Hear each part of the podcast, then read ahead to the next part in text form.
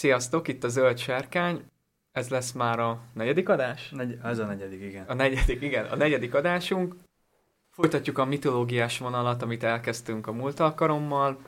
Akkor átbeszéltük a Silmariloknak az első kettő nagyobb részét, az Ainuindalét és a Valakventát, igen, ezt a kettőt, és most fogunk belecsapni igazából a lecsóba, a Kventa Silmarillionba, ami a Silmariloknak a leg, hogy, hogy is mondják, legnagyobb részét kitevő? Vagy Hát de tulajdonképpen ez a Silmariloknak a története. ah- ahogy a nevében is benne van. És ennek a Quenta Silmarilloknak fogjuk feldolgozni az első öt fejezetét, az idők kezdetéről, Aulé és Javanna, a tündék érkezése és Melkor fogsága, Tingol és Melian, Eldemar és az Eldák hercegei. Szóval ezek lesznek azok a fejezetek, amikről ma fogunk beszélni. És akkor kezdjük is. Úgy hagytuk ugye múltkor abba, hogy a valák leszálltak középföldére, Ardára, és elkezdték megépíteni, megteremteni Hát, a világot. For- formálni, meg saját, a saját elképzeléseiket belevinni, vagy nem tudom, hogy mi, a, mi, mi lenne a jó kifejezése erre, de valami ilyesmi. Használjuk akkor a formálás a szót. Itt láttuk, hogy azért Melkornak a személyes elképzelései per igényei, amit a, ezzel a világgal szemben táplál, az kicsit más, mint a testvérejé. Ő uralkodni akar mindenen és mindenkin. Ez, ez egy nyilvánvaló konfliktust okoz közte és a többi valak közt, hiszen ők, ők szolgálnak. Ők inkább a világ nem is védelmezői, fenntartói, mi, mi erre a jó kifejezés? Én nem, nem, nem tudom erre mit kell, olyanok, mint valami ilyen felvigyázók, vagy, vagy bent a babysitterek, vagy valami ilyen hasonló. Hogy, Mint a kertész. Oly- Olyan hasonló, igen, de mégis, mégis úgy van, hogy, hogy amit teremtenek, a nem nagyon, nem nagyon szólnak bele, hogy azután mit csináljon, vagy hogy, hogy csak i- ilyen re- rendbe, rendbe tartják a környéket. Ezzel szemben pedig Mákor totális uralomra tör, vagyis hát szeretne törni, és ez az ellentét már itt a kezdetek kezdetén jelen van, és ezzel is indul a Quenta Silmarillion, hogy hirtelen nagy kacagással Azt akarom mondani, amikor túlkász megjön. Igen, amikor hír, hirtelen heves kacagással túlkász megjelenik, mert addig a valáknak nem sok esélyük volt Mákorral szemben, hiszen minden, minden vala, ugye megbeszéltük előző részben, minden vala képvisel valamilyen erőt.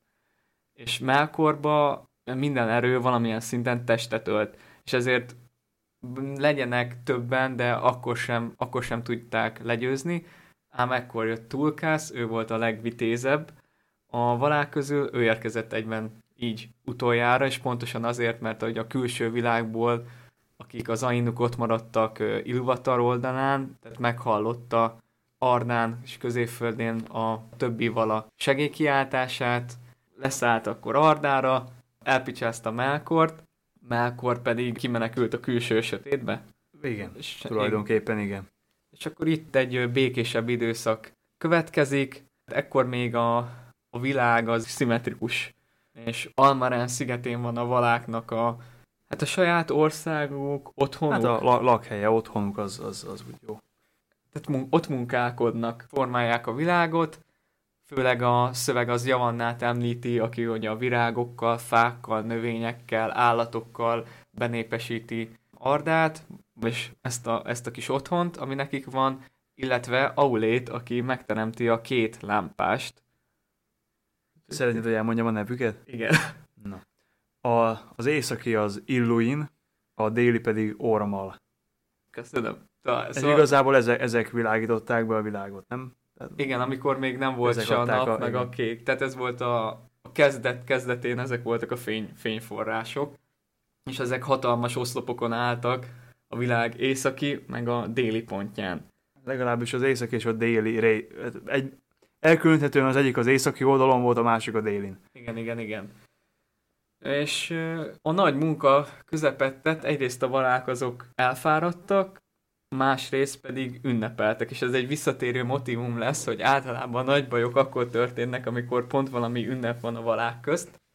itt úgy érezték, hogy ennek a formálásnak eljutottak már egy olyan szakaszára, hogy, hogy van, mit, van mit ünnepelni, már letettek valamit az asztalra, és ugyanekkor volt Tulkásznak és Nessának a esküvője.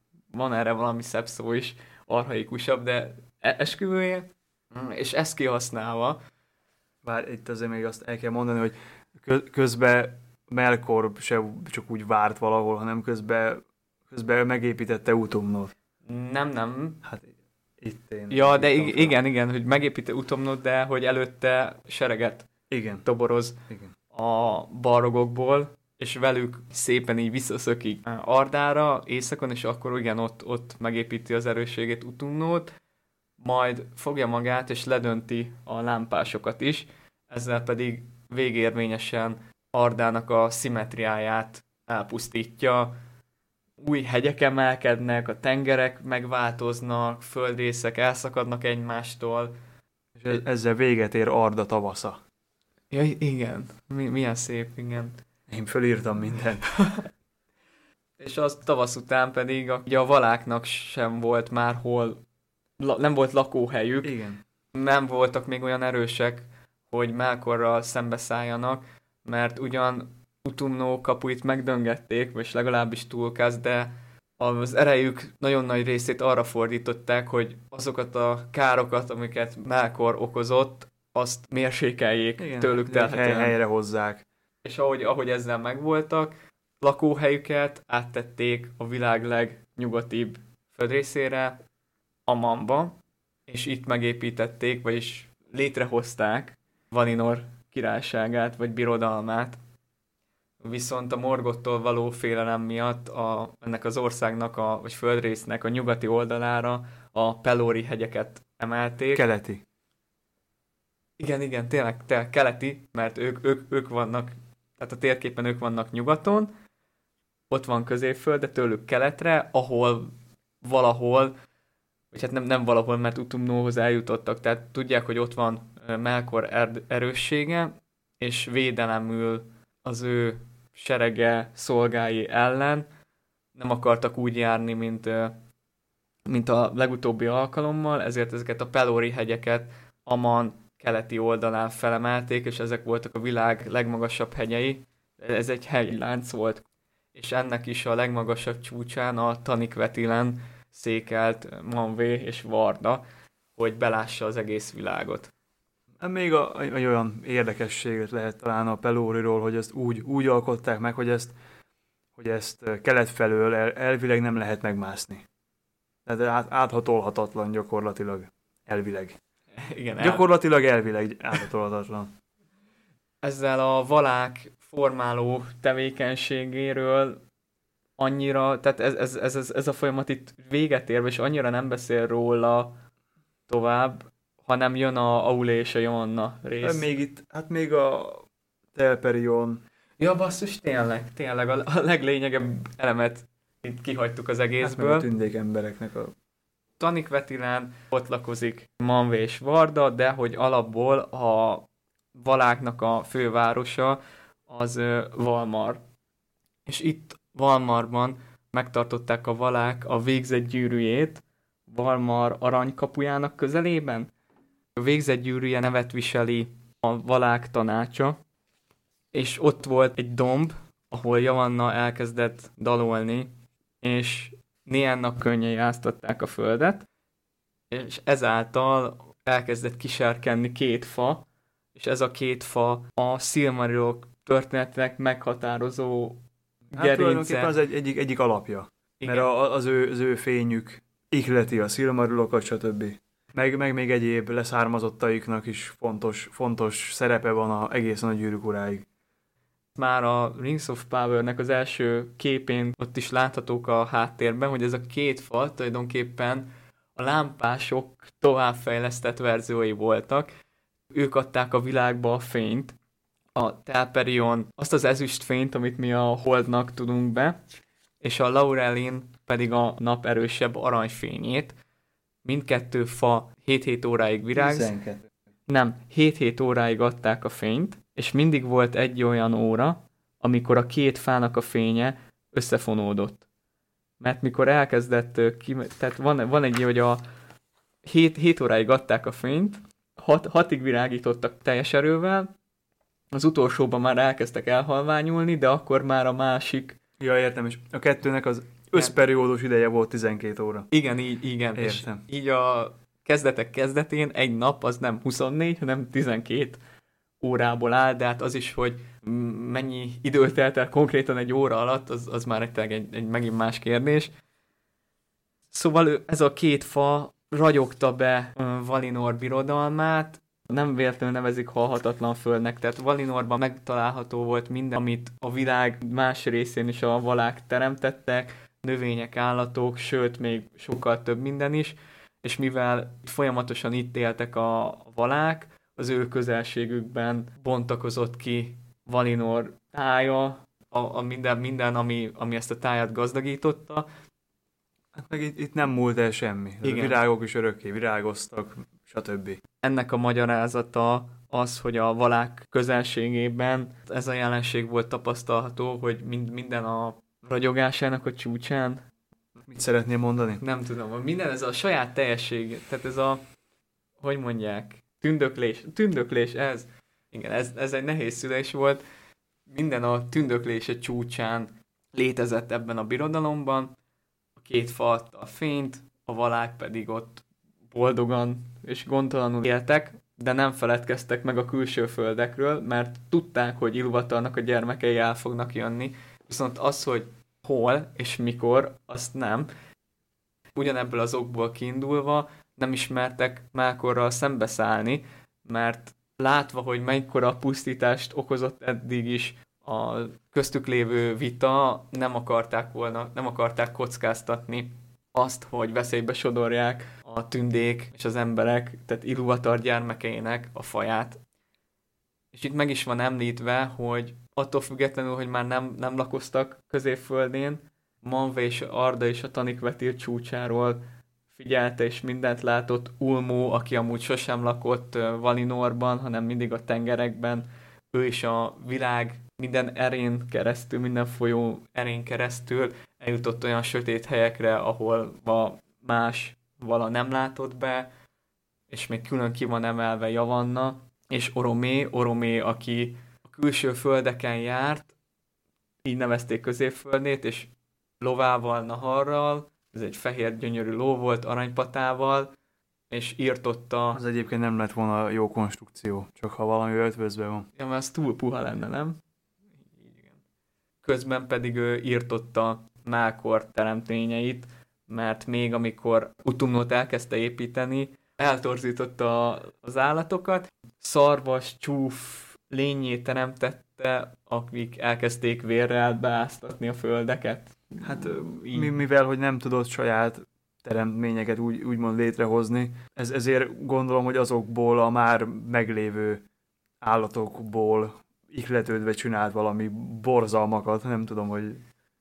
És az így létrejött szörnyeket üldözte Oromé, míg Javanna egy, egy álmot bocsátott a, a világra, a növényekre, fákra, állatokra, mert ahogy a valák onnan elmentek, ott megállt minden növekedni. Úgymond lefagyasztotta ezt a pillanatot, hogy ne hervadjanak el, életük ciklusa ne haradjon tovább, hanem a szépségük pillanatában még ahogy voltak ott, ott ezt így nevezzük álomnak, álmot bocsátott rájuk, és később kezdenek majd újra növekedni. Vagy egy később indulnak növekedésnek utána a két fa fényétől, vagy, vagy az, hogy őket, őket életre? Vagy, vagy később időpontot határoz e, meg? Ezen gondolkoztam, miközben mondtad, hogy, hogy biztosan meg volt jelölve valami, hogy mikor ébredjenek föl, vagy mikor induljon ez újra, de nem merem megkockázatni, hogy mikor, mert nem emlékszem. Most még igazából ebbe a részbe, ami bele tartozik, az az, ami elmeséli talán, vagy, vagy leírja, hogy mi a különbség igazából Illuvatar első és második gyermekei között? Szerintem az nem Ebbe van. Ebbe, ebbe? van. Itt van. Tényleg így zárul a vége, mert miután a valák elhagyták Iluvatar csarnokait, Iluvatar ott tovább gondolkodott, és mm, hát egy olyan ajánd, Iluvatar ajándékának is van mondva, egy olyan ajándékot adott az embereknek, hogy igazából halandóvá tette őket nyilván már mi, mi nekünk is a berögzült fejünkbe ez ott van, hogy ez a halandóság, ez vajon hogy lehet ajándék, de Iluvatarnak ez volt az ajándéka, hogy míg a tündék sorsa az a világhoz van kötve, és nem pusztulnak el addig, amíg a világ nem pusztul el, fegyver meg a bánat által meghalhatnak a halálnak ennek a két nemét ismerik. De, de akkor a... se halnak meg igazán rendesen. Hanem ez a ilyen reinkarnáció, tehát a testük elpusztul, de a szellemük az elmegy Mandos csarnokaiba, miután letöltenek itt egy bizonyos időt, visszatérnek az élők közé. Ez tulajdonképpen egy reinkarnáció. Az, Igen, az, szerű valami. Hát kifejezetten azt írja, hogy az embereknek a landósága az a, az a szabadságnak az ajándékával jár. Mert hogy mindennek megvan az az út, amit be kell járni, ez az út a sors, és ő, az emberek saját maguk alakítják a sorsukat. Ez a világ határain túlra is kiterjed.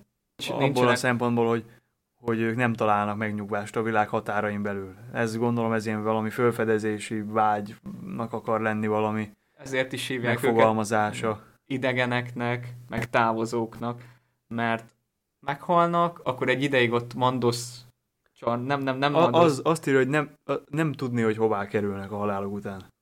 Valahol várakoznak, és onnan elhagyják Ardának a határait, és senki nem tudja, hogy mi lesz velük, Iluvataron kívül. Más itt, itt nem.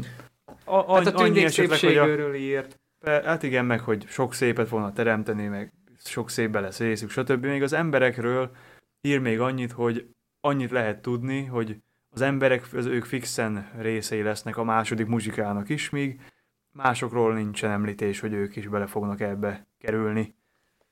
Igen, a második muzsika az már kicsit előre tekintünk, ugye az első muzsikával lett megalkotva Arda, és a második muzsika az egy jövendőlés, hogy majd egyszer elpusztul, és a második muzsikával újra alkotják, és ebben a második muzsikában az embereknek biztos lesz szerepük, de az, hogy a tündékkel mi lesz, arról, arról nem, nem esik említés. És pontosan ezért, mivel ők, ők ennyire kötődnek a földhöz, ezért nagyobb az örömük, és nagyobb a bánatuk is a világ dolgai iránt. Innen is van, hogy az egyik halálnemük az a bánattól kifakulnak az életből mint hogy a király visszatérve, amikor az Elrond beszél Árvennek a sorsáról, hogy mi vár rá, miután Aragorn a halandó királyok legnagyobbika eltávozik, akkor ő is, ő is ki fog fakulni a bánattól az, az életből. Ennek a nagy fejezetnek itt, itt vége is van, és a következő pedig az Aule és Javanna, ami megint egy, egy nagyon érdekes koncepciót látunk itt körvonalazódni, ez pedig a törpök, az entek és a sasoknak a megalkotása. Röviden így lehetne összefoglalni. Említettük már, hogy Aulé tudás, az alkotás, a teremtés volt az ő nagy ereje, adománya. Ja, és ő, ő neki volt még Melkoron kívül igénye arra, hogy saját, valamilyen saját alkotása, vagy saját teremtményei legyenek.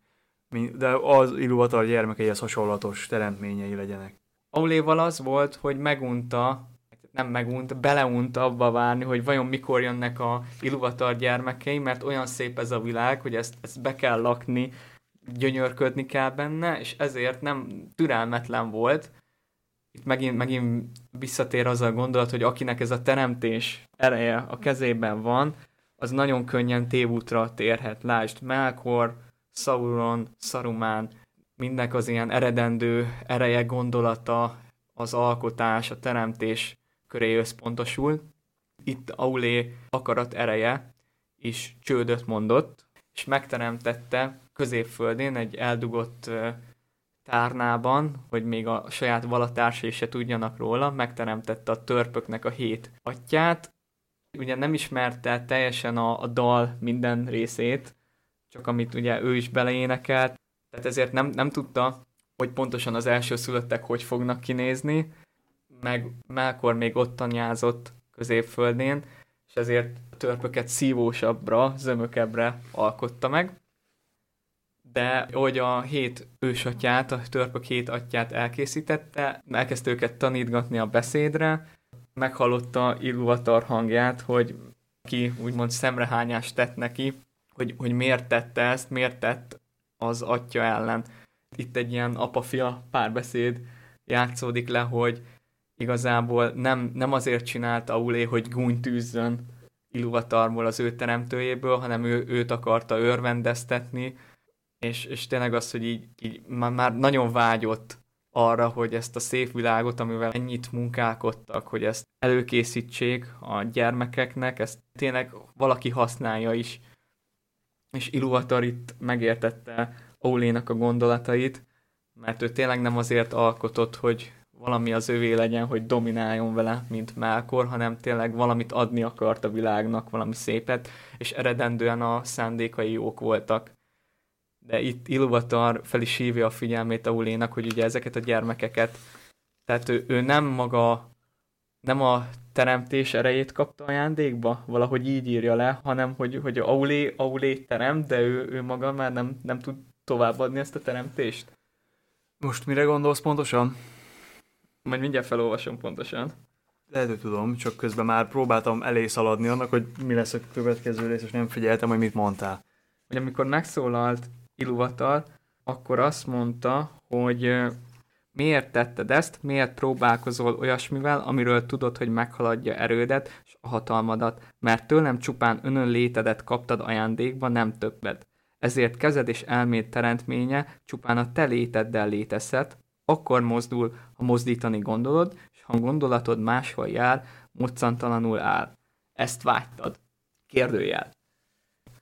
Aulé megkérdezi, hogy akkor mit tegyen a törpökkel. Először is felajánlotta a teremtményeket Iluvatarnak, és aztán ilyen önön gondolattól vezérel, vagy akkor pusztítsa el a, a teremtményeket. Fölkapta a kalapácsát, közben sírt, hogy el kell pusztítani a törpöket, de közben a törpök elkezdtek sírni és menekülni, és akkor megszólal Iluvatar, hogy hát nem látod, én már elfogadtam a te ajánlatodat, hisz pont erre visszavezet, hogy most már a törpöknek saját akaratuk van, mert menekültek a kalapácscsapás elől. Így kaptak öntudatot, vagy saját életet.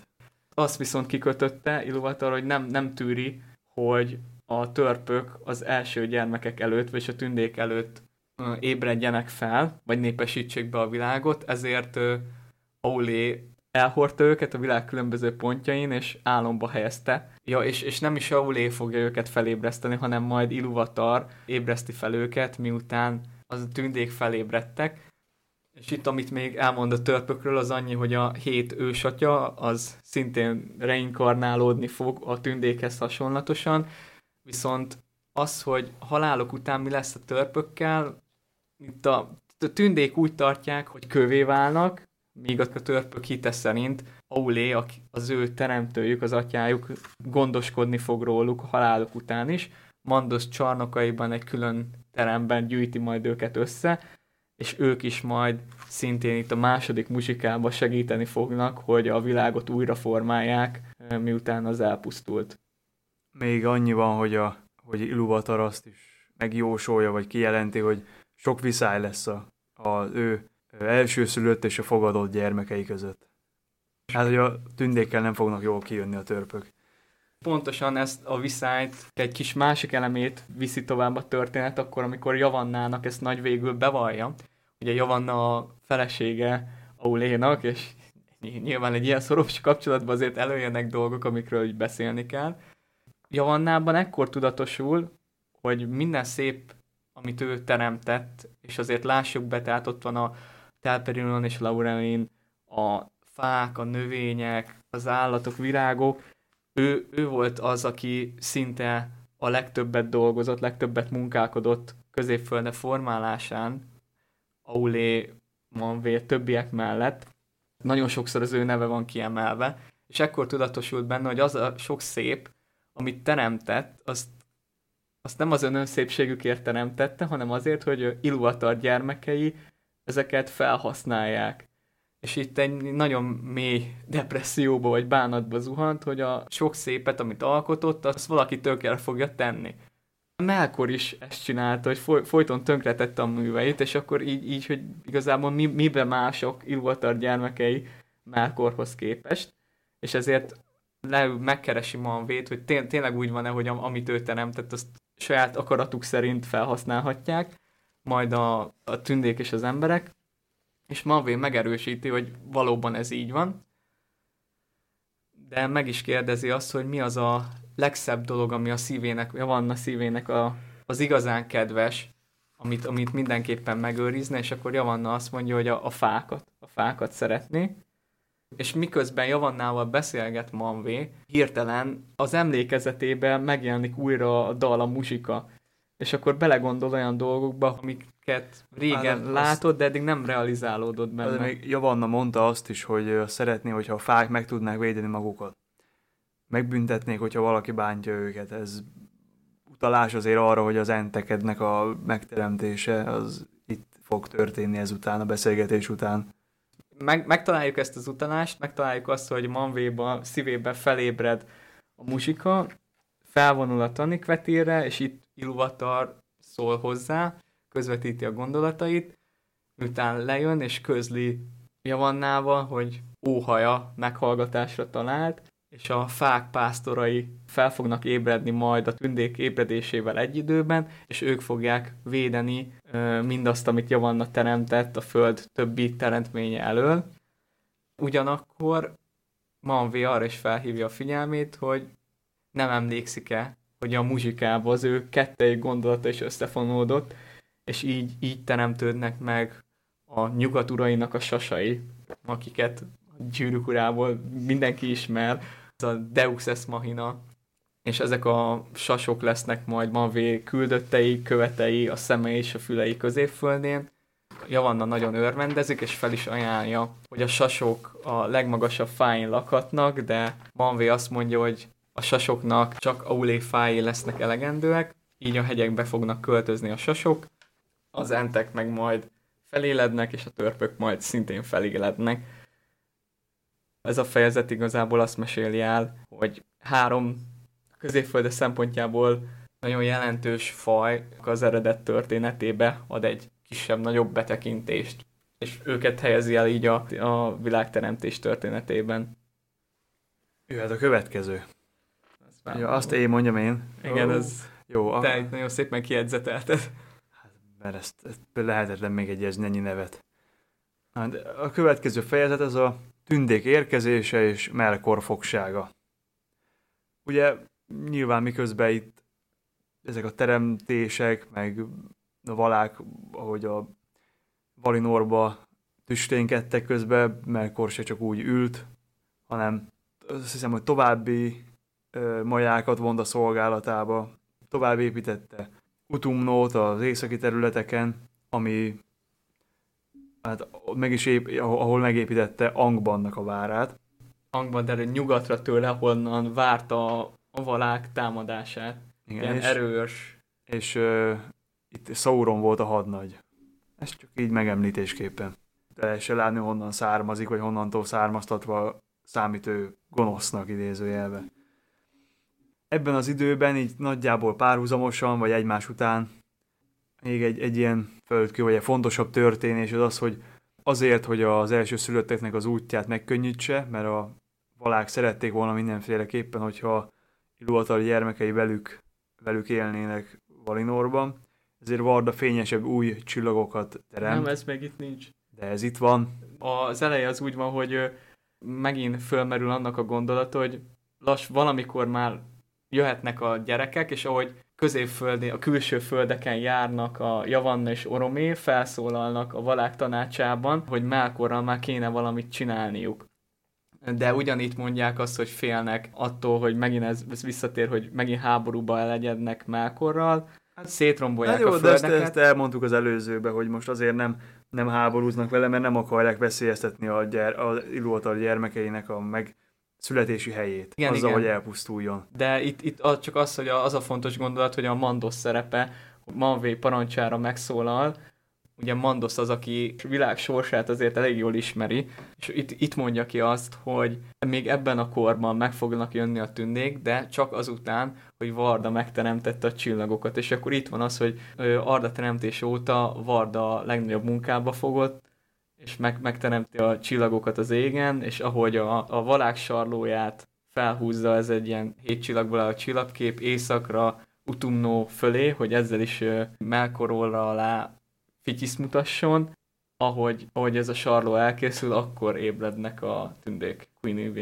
egy, ezt nem akartam én részletes, részletesen elmondani. Na mindegy, nem, nem ez a legnagyobb lényeg. Ezt, hogyha valaki elolvassa, akkor úgyis meg el fogja olvasni. Most úgyse jegyez, jegyez meg belőle senki semmit. Hát és tulajdonképpen miután végzett ezzel a munkával, egyszer csak az első szülöttek felébrednek a... Ezt most akkor Kuivénen tónak kell mondani? Szépen. Kui, én Kuivinének szoktam. Kuivénen. Kuivénen. Kuivénen. Kuivénen. Mindegy, a Kuivénen tónak a partján valahol. Ez igazából ennek ilyen exakt, exakt helye, hogy de nagyon pontosan nincsen megnevezve, csak az, hogy valahol fölébrednek. Észak-kelet középföldén. Hát igen, az annyiban elmondva, hogy az északi részek felé, és, és távol keleten. De arra gondoltam, hogy pontosan nincsen megadva, ja, hogy mit tudom én, a 8-as szélességi, meg a 9-es hosszúsági fok mellett, vagy kell metszetében. Azt se lehet igazán tudni, hogy ők mennyi időt éltek itt, úgyhogy nem vették őket észre. Ők ugye kvendeknek nevezték magukat, de ők voltak a tündék. És Oromé talál rájuk a valák közül először, tulajdonképpen véletlenül, ő nevezi el őket Eldáknak. Ö, hát a csillagok népének, nem? Nem, fog, nem daduk miatt van, van valami, le, hogy le, van, le volt fordítva, de nem, nem jegyeztem föl. Ez ilyen, ők is összefoglaló. De hát itt időközben, tehát hogy Oromé vissza is megy egyéb, vissza is megy Valinorba, hogy közölje a többiekkel, hogy mi a helyzet. Itt ami szerintem lényeges pont, hogy amit te is mondtad, hogy nem tudjuk, hogy mennyit vannak itt, viszont azt tudjuk, hogy nem Oromé volt az első vala. De, aki de, de, de várjál, de ő nem vala, ide akarok eljutni. Vagy hát nyilvánvalóvá válik Oromé számára, hogy nem ő volt az első, aki megtalálja őket, hiszen már a, a kvendek már rá is félelemmel tekintettek, mert először azt gondolták, hogy ő is Melkor egyik valamilyen szörnye, vagy így szörnyek vannak itt nevezve. Vadásznak, mert ugye Melkor szerzett tudomást először a tündékről, Igen.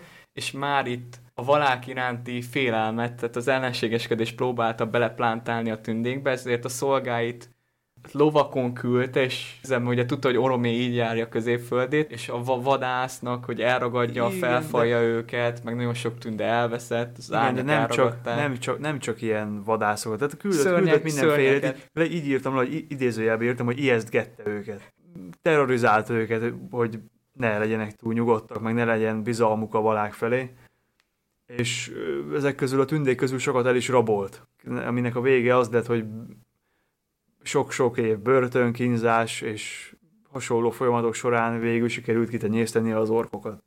Megint ugye visszatérő gondolat, hogy nem tud teremteni, csak a jót megrontja, és ezért az orkok szívében gyűlölet gyúlt maga a Melkor a teremtőjük ellen, hogy ilyen ezt, ezt az életet szánta nekik, vagy ezzel ajándékozta Igen, meg őket. és itt az is le van még írva, hogy ott az orkok tulajdonképpen nem, nem azért harcolnak Melkorért, vagy hogy, hogy mondjam, mert hogy ők ezt annyira imádják, hanem tőle való félelemből és a tündék miatti irítségből. Igen, val- valahogy így, meg, meg ami itt még fontos, hogy ugyanúgy szaporodnak, mint a tündék. Bár a gyűrűk nem sok orknőt láttunk, vagy nem tudjuk róluk, hogy azok voltak. Az egyetlen, ami erre a kapcsolatra utal, az, az, az, hogy azoknak bolg volt a fia. Lényegtelen, itt az orkok teremtéséről ír, amit a nagyon a gyűrű szövetségében, amikor Saruman Lurcnak felvezeti ezt az egészet, ő is erre a sztorira gondol. Igen, bár, bár ahogy ott az, ezeket létrehozta, az, az eltértettől. Hogy a kijöttek a földből, kiugráltak. Hát az urukályok, igen. Aljas mágiával keresztezte az orkokat a lidércekkel. De ez csak a filmben van így. Igen, igen, de valamilyen keresztezés benne van. Igen, de itt mindegy, ebben most ebbe, ebbe, ebbe, ebbe majd, igen, majd, igen, más. Ezután a valák a tündékért indítottak Melkor ellen egy, egy csatát, amit az erők nagy csatájának hívnak, és tulajdonképpen ez az, ahol Melkort elvitték fogságba. Hosszú ütközet volt, és itt is, itt, itt is jelentősen átformálódott a világ. Tehát a szétválasztó tengerek azok, azok megnőttek, a hegyek megváltoztak, csak csak a szokásos ilyenkor. Itt a tündék félverettek, éjszakon látták a nagy tüzeket, a csatának az eredményét, és pontosan ezért később Oromén kívül félelemmel tekintettek a valák iránt, mert a haragjukat tapasztalhatták meg először, meg a hatalmukat. Utomnót falait bedöntik, Tulkász leveri Melkort, az Angula Anglanor. Miért akarsz ilyen neveket mondani állandóan? Jó, mindegy. De ez fontos. Megkötözik a lánccal, amit Aulé alkotott. Angainor megkötözik az Angainor lánccal, majd összeláncolva a bekötött szemmel elhurcolják Valinorba, itt a végzett gyűrűjébe a valák előtt, bocsánatért esedezik, de ők megfogják, és három koron keresztülre dutyiba vágják Mandos csarnokaiba, ahonnan nincs, nincs menekvés. Viszont az összes szolgáját nem sikerült kiírtani, és Utumnó tárnáit se tudták ától cettig végigkutatni.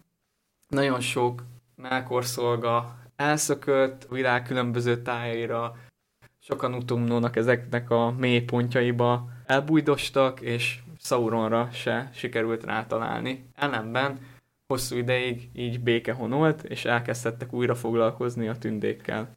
Igen, itt ezután ugye a valáknak volt egy tanácsot tartottak, vagy vitáztak tulajdonképpen a tündékről, arról, arról, hogy mi legyen velük, hogy hagyják meg nekik középföldét, vagy vezessék el őket saját magukhoz Valinorba. Mindkét nemzetség Iluvatar gyermekei, és hogy éljenek együtt, mert annyira várták már a tündéket, annyira szerették őket az első pillanattól kezdve, és szerettek volna velük élni, viszont itt Ulmó például a többiek ellen szólt, hogy figyelmeztette őket, hogy jobb lenne hagyni a tündéket középföldén a saját akaratukba ott, ott el legyenek, de a vitának végül is az lett az eredmény, hogy hívják magukhoz őket, és akkor Mandos itt mondja azt, hogy itt ezzel, ezzel elrendeltetett, mert ez, ez a tett olyan pont volt, ami később rengeteg viszály kiinduló pontja volt a hát, tündék igen. és a mindenki más közt. Még, még annyi, hogy Oromét küldik értük, mivel hogy egyedül talán ő, ő benne bíztak a tündék.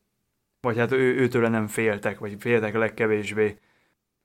És Oromé el is vitte három követüket. Igen, elvitte a három. Később még, itt, még mikor elviszi őket, akkor még nem ők a királyok, hanem miután visszaértek, utána lettek ők a... Igen, ők a, a nemzetségfőket igen, nevezük igen. így őket. Ők voltak Ingvé, Finvé és Elvé. Őket el, elvitte Valinorba, megcsodálták a két fát, az áldott birodalmat, és annyira elteltek ettől a gyönyörtől, hogy később, mikor visszatértek a a nemzetségükhöz, akkor mind, mind a hárman sürgették őket, hogy tényleg érdemes itt hagyni középfölde, középfölde által kismert részeit, és ellátogatni, megtenni ezt a hosszú utat nyugatra. Most itt ugye meg lehet különböztetni kapásból a, ugye a három nem, tündéknek a három nemzetségét. Akik, Ezt most, most... akik oroméval tartottak. Igen. In- Ingvé volt a, a vanyák, a, a vezetője, királya, ők a, a szép tündék, Finvé volt a Noldák vezetője, ők a bölcs tündék, Elvé volt a, a telereknek a vezetője, ők a, ők a tengertündék. Ugye ezeknek is, hogy ki milyen tünde, ezeknek is van jelentősége, mert, hogy mondjam, tehát a, a szép tündék, a, a, a banyák, ők miután most egy kicsit előre ugrás lesz a történetbe, de a, az elnevezésük az ebből, ebből fakad, nem? Hogy ők elmentek Valinorba, és onnantól kezdve ők ott is maradtak. Igen, a három nemzetség, ebbe a, amit Imre mondott, ezzel a sorrendel is indultak útra, hogy elsőnek voltak a vanyák, Ingvé vezetésével. Egy, egyszerre indultak el, csak Nem, aztán... mert Ingvé, Ingvéért először, lehet, hogy egyszerre indultak, de Ingvéjék értek először. Ja, az, Először az áldott birodalomba, utána a Noldák és a Telerek a legvégén megkésve. És ennek azért is van jelentősége, Tolkien nagyon nagy figyelmet szentelt nekik, mert ugye a nyelvek, amiből ez az egész világ kimondakozott, az a különböző, itt a felsorolt különböző nemzetségeknek a nyelveihez köthető. Ez a három nemzetség az Eldák nemzetsége, akik elindultak megtenni nyugatra ezt a nagy utat, ez elképesztő távolságokat kellett megtenniük. Oromé néha többször elhagyta őket, mert visszament talácskozni a valákkal, illetve középföldre olyan tájain jártak, amit eddig nem is ismertek, és ezre rácsodálkoztak, itt elgyönyörködtek. Tehát ez egy nagyon hosszú utazás volt, és pontosan mivel ezért ez egy hosszú út volt, voltak olyanok, akik így eltévejettek, és elkezdtek le leszakadozni. Hát, eltéve, hát leváltak a csapatról, mert voltak, akik már útközben, tehát még a köthegység előtt ők voltak a, a, a nandák, őket Lenvé vezette. Meg Ö- voltak azok, akik el se indultak, ők voltak az avárok. Volt, igen, tehát volt, igen, voltak igen, a... igen, igen.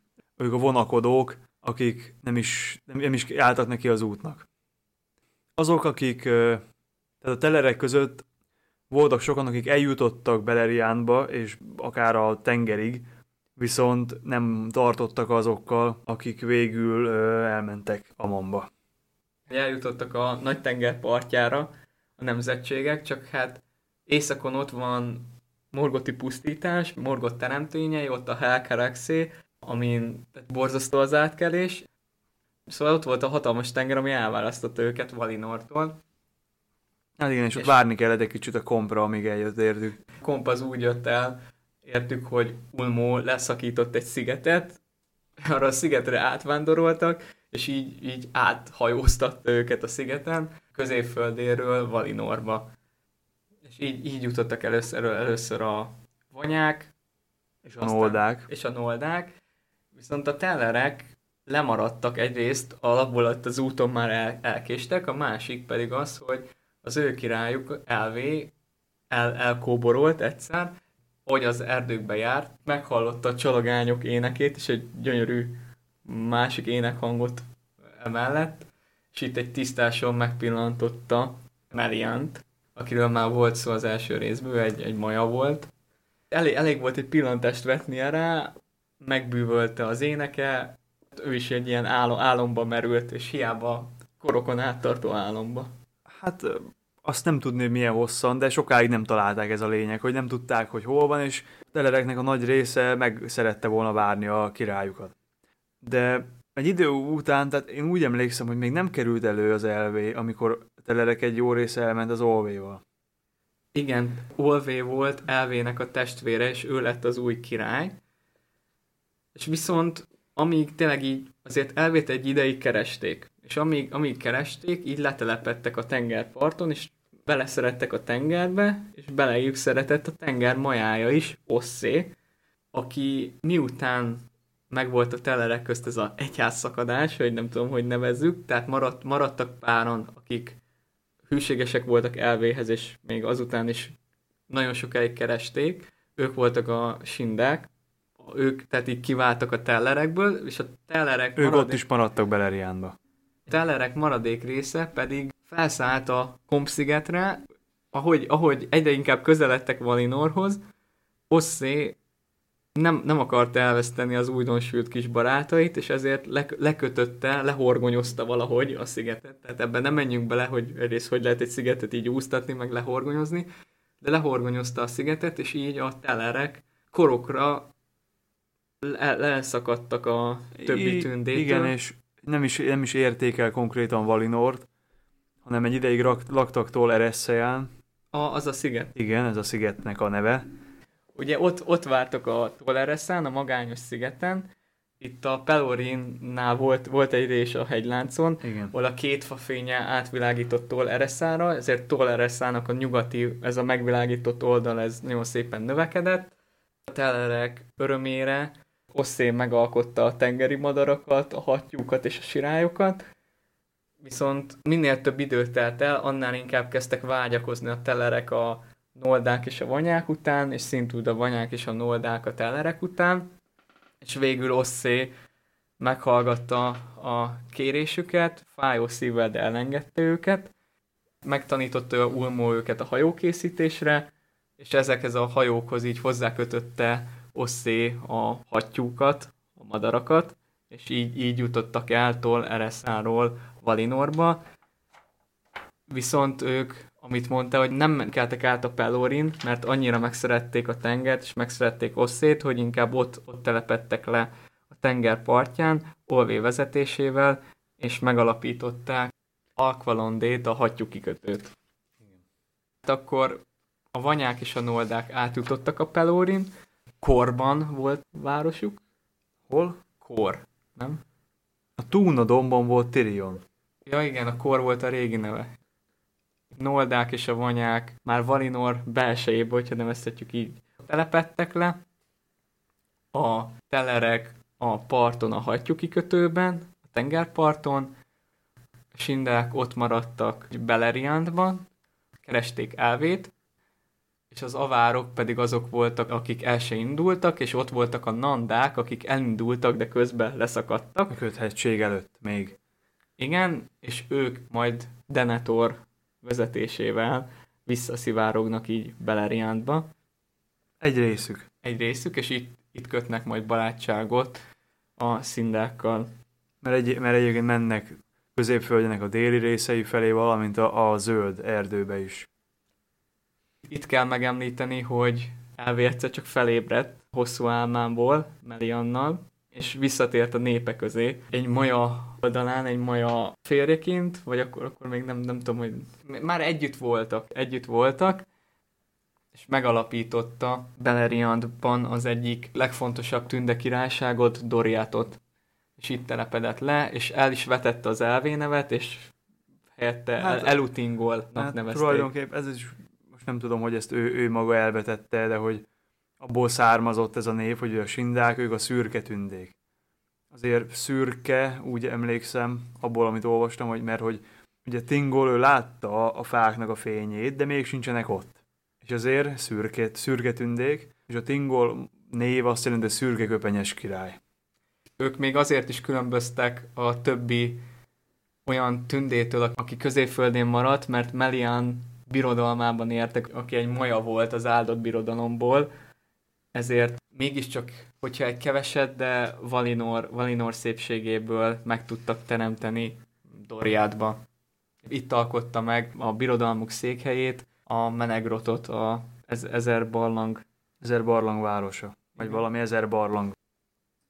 Így szerencsésen letudtuk azt, hogy hogy nézett ki a Beleriandi tündék birodalma. Ott volt Doriát a szürke tündékkel, Tingol és Melian kormányzása alatt, Később jöttek a Nandák Denethor vezetésével, ők a szürke és a barna, vagy nem, a zöld és, zöld, zöld. zöld és barna tündék néven futottak. És Beleriandi tünde birodalmakat akkor ezzel, ezzel így... Egyelőre. Nem, nem, nem, nem, mert eszembe jutott, még ugye ott van Hát ki, akik ott ma igen, Kirdán, igen. A telerek közül, akik, akik ott maradtak, nem szálltak már föl a Komszigetre, hanem ott maradtak a tenger mellett, városokat alapítottak. Három tünde nemzetség volt ekkor Beleriandban, és akkor így, így megyünk át Valinorba, ahol szintén három nemzetség volt.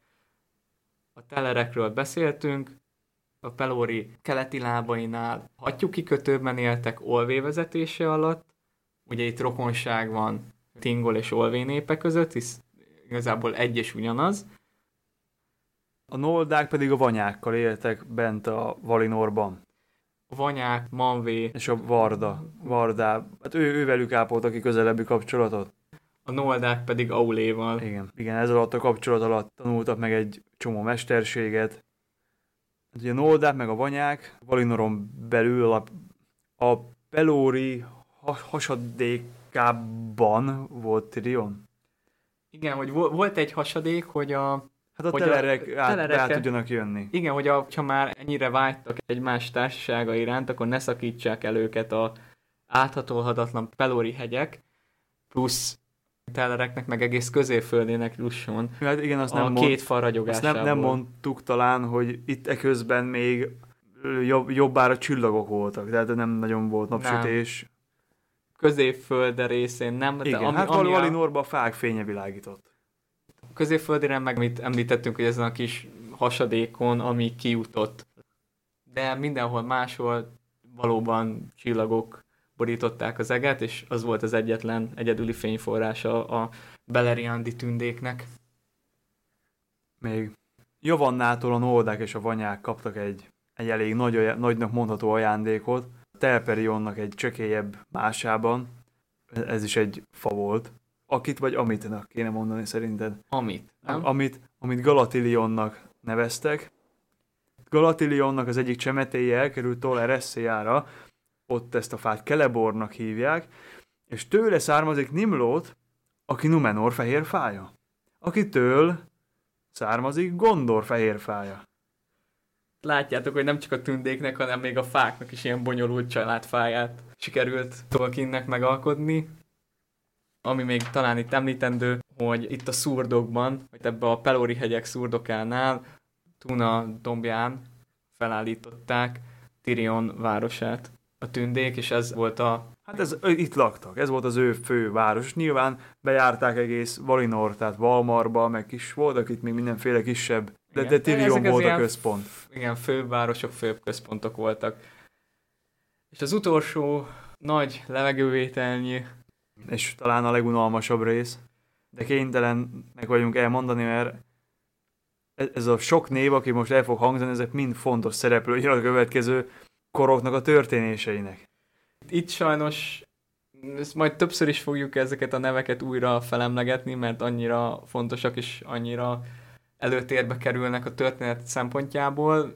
Ha ez vigasztal titeket egy idő, idő után, biztos, hogy ti is meg fogtok belőle jegyezni egy-kettő fontosabbat, a többinek meg igazából úgyis teljesen mindegy.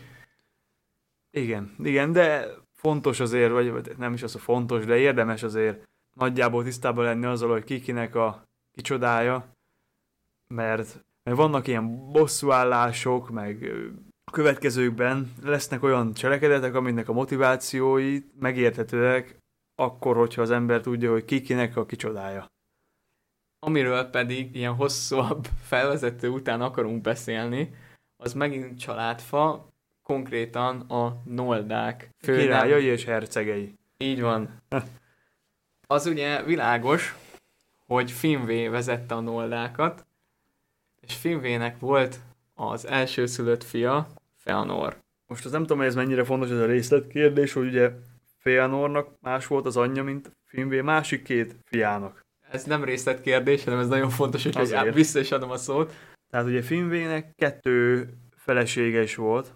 Most arra nem merek vállalkozni, hogy itt ez csere történt, vagy, vagy özvegyülés, vagy, vagy unalom, vagy többnyelűség, vagy, vagy valami. Hát Miriel volt az első, Igen, igen. De De ez a, aki Aman, sőt, az egész középföldi történetében az első tünde, aki, aki meghalt, mert megszülte Feanort, annyira kimerült, hogy Feanornak olyan tüzes volt a lelke, hogy átadta minden erejét a, a fiának, tehát ez is megint egy ilyen elvontabb koncepció, hogy Miriel elvesztette a, az erejét a, a szülésben, elvonult Lorien kertjébe, és ott halálba szenderült. Ennél, ennél jobban nem tudom megfogalmazni. én, én erről nem is tudtam, amit most mondtál. És a lelke pedig ő először Hát akkor- költözött Mandos csarnokába. Akkor nem volt poligámia, csak özvegyülés.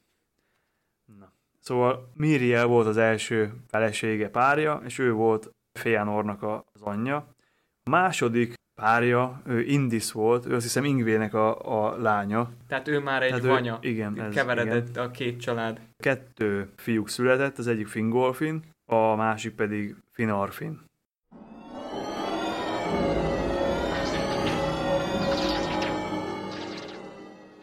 Indis szerepe a legendáriumban korán sem tisztázott.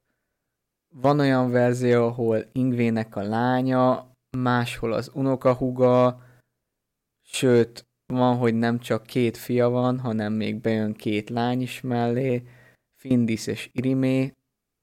Amit valószínűsíthetően mondhatunk róla az az, hogy Valinorban marad, és amint Mandos csarnokaiból visszatér Finvé, akkor vele tölti majd minden napjait, míg világ a világ.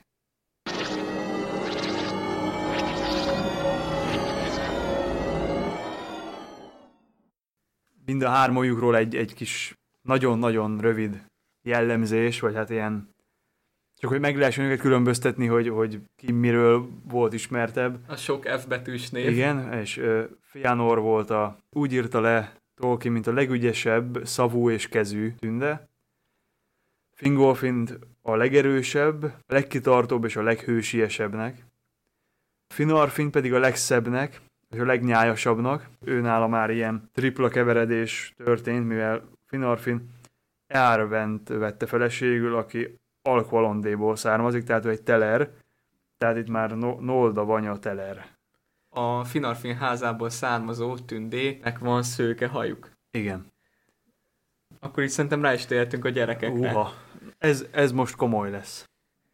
Na, tehát akkor kezdjük ugyanúgy, ahogy mentünk, születési sorrendben, mármint hogy a, a Finvé gyermekeinek születési sorrendjébe fogom felsorolni az ő gyerekeik neveit.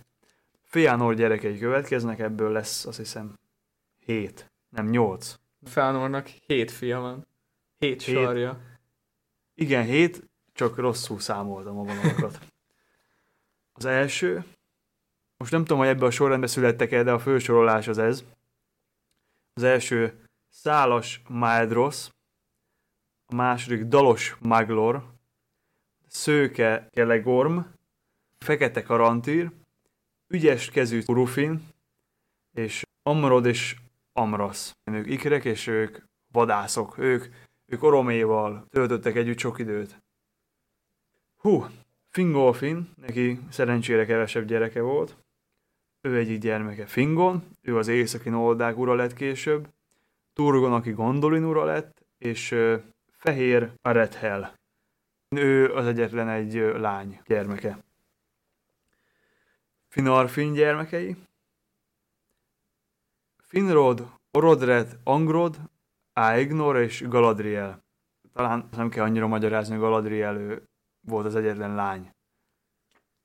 Száz szónak is egy a vége, de reméljük, hogy ezzel most így pontosan érzékelitek azt, hogy miért fontos, hogy egyrészt, hogy a Silmarilokon végig megyünk, másrészt az, hogy ezt a családfát ilyen szőrszálhasogatóan átvesszük veletek, mert Galadriel itt, itt jön képbe a történetbe, akinek nem csak az, hogy a gyűrűk ura során későbbi korokban milyen hatalmas szerepe lesz, nem nő az egyik, hanem a főszereplője az Rings of Power sorozatnak.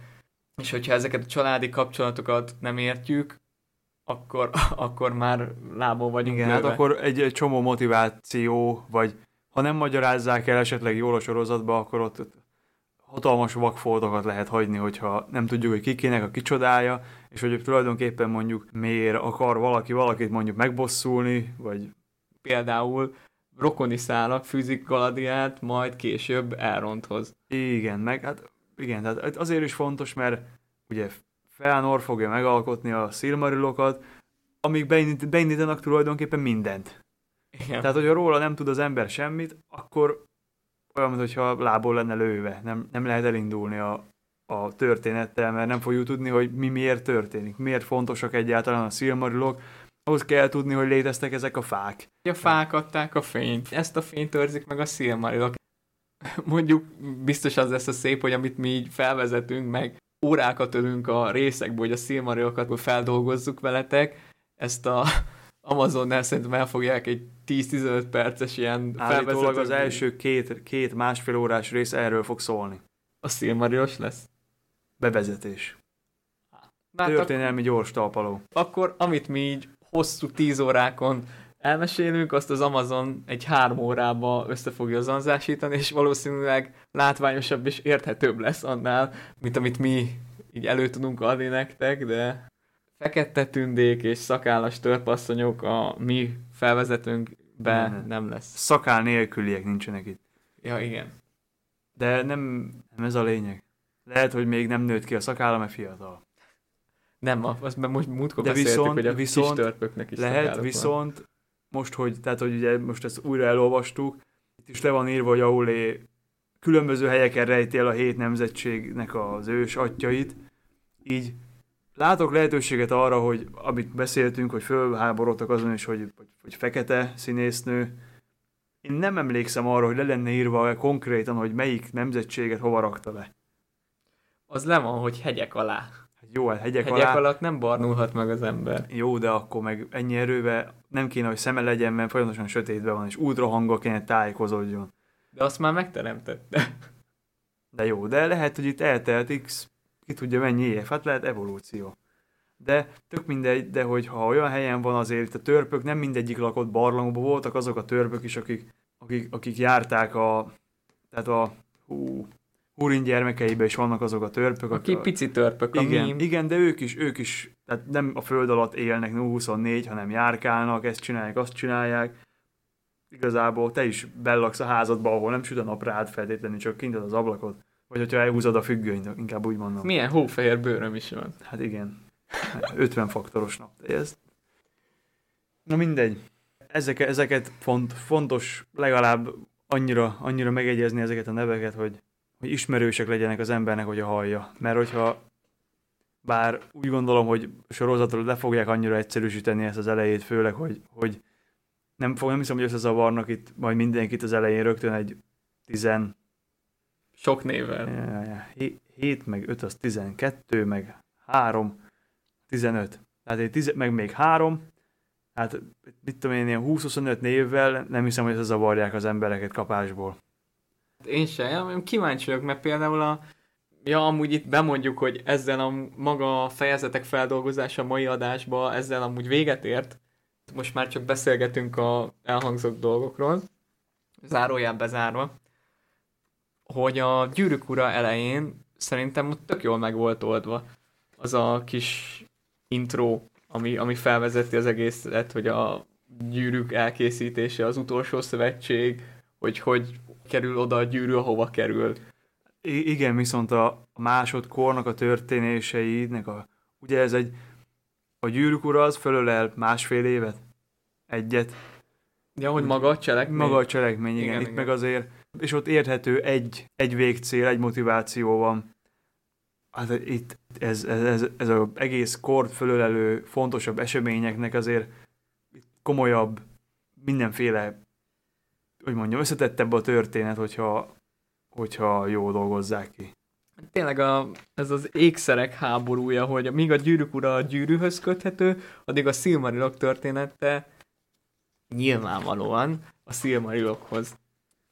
És a, azokhoz a karakterekhez, vagy hát azokhoz a szereplőkhöz, akik szorosabb kapcsolatba kerültek a, valahogy a Silmarilokkal, meg az egész tünde nemzetség történetével. Igen, hát a, a tün, tündékről ő, ők vannak a fókuszba, tehát az emberek az első korban nem töltenek be olyan igazán meghatározó szerepet, maximum néhány árulással, meg néhány egy-egy, egy-egy ember egy-egy csatába valami nagyon nagy hősiességgel, de egyébként a, tehát nem, nem, nem a, az ő szempontjukból játszódik ez az egész. Igen. Harmadkorban ugye a tündéknek van sokkal kisebb szerepük a sztoriban, a másodkorban meg az, az embereknek. Igen, meg az elsőben is az ember. De hát úgy fog, konkrétan szépen lassan fordul meg. Hogy egyre több az ember, egyre kevesebb a tünde, egyre, úgy annak lesz egyre nagyobb súlya, akiből egyre több van itt. Igen, kivesznek a világból. Hú, pedig valamire ki akartam ezt vezetni. Ja, hogy a egy-egy, ugye amit mondtál is, hogy csak azoknak a sor, vagy azoknak a történét ismeri, hogy valamilyen kapcsolatba kerülnek a Silmarillal, ez az emberekre kifejezetten igaz, mert hogy ott csak, hát mondjuk nem csak, de ugye Beren és Lúthienbe ott ők kapcsolatba kerülnek egy Silmarillal elég közvetlenül. A Hurin gyermekeiben ott nem. Hurin gyermekénél az, hogy ugye Hurin dacol Morgottal. Igen, és hát amiatt igen. Tuor pedig szintén ott gondolni bukása, de ott végül is az, hogy, hogy a, a fia, a Erendil ő, ő, ő birtokolni fog egy Silmarit, tehát valahogy, valahogy köthető hozzá, meg ugyanúgy a, nem csak az emberek, hanem a törpök is. Tehát a másodkorban a törpök is a Silmarilokhoz fűződően jelennek meg a történet. Az elsőben. Az elsőkorban, elsőkorban kapcsolódnak be a történetbe. Viszont... Kereskednek, a tündékkel segítők őket a háborúba, és amikor meg jelentőség teljesebb szerepet kapnak, akkor meg kifejezetten a, az egyik Silmarilhoz köthetően jelennek meg. Igen, hát annyi, hogy nekik talán azért még csekélyebb a szerepük, mint a embereknek az első korba. Abból a szempontból, hogy hányszor vannak említve, vagy mennyi fontos történet kötető hozzájuk, vagy mennyi fontos momentum. Mert igazából van a, a meme, mimék, meg a, az, az, az az alkalom, amikor, amikor a törpök ö, megmentik, a, vagy be, becsatlakoznak valamelyik csatába. És megsemzik Laurungot meg, meg, meg később, hogy a Tingol Silmariával mi lesz, de ezt még, ezt még nem lőjük le. Igen, meg egy-egy csatában is volt olyan, hogy ilyen, ilyen tűzálló páncélba. Az, a tűz, az a Glaurungot, igen. a Glaurungot. Ott lesz, hogy a, az a gál a kését belemártja a Glaurungba, és akkor ezzel megsebzi. De ez, erről majd fogunk beszélni.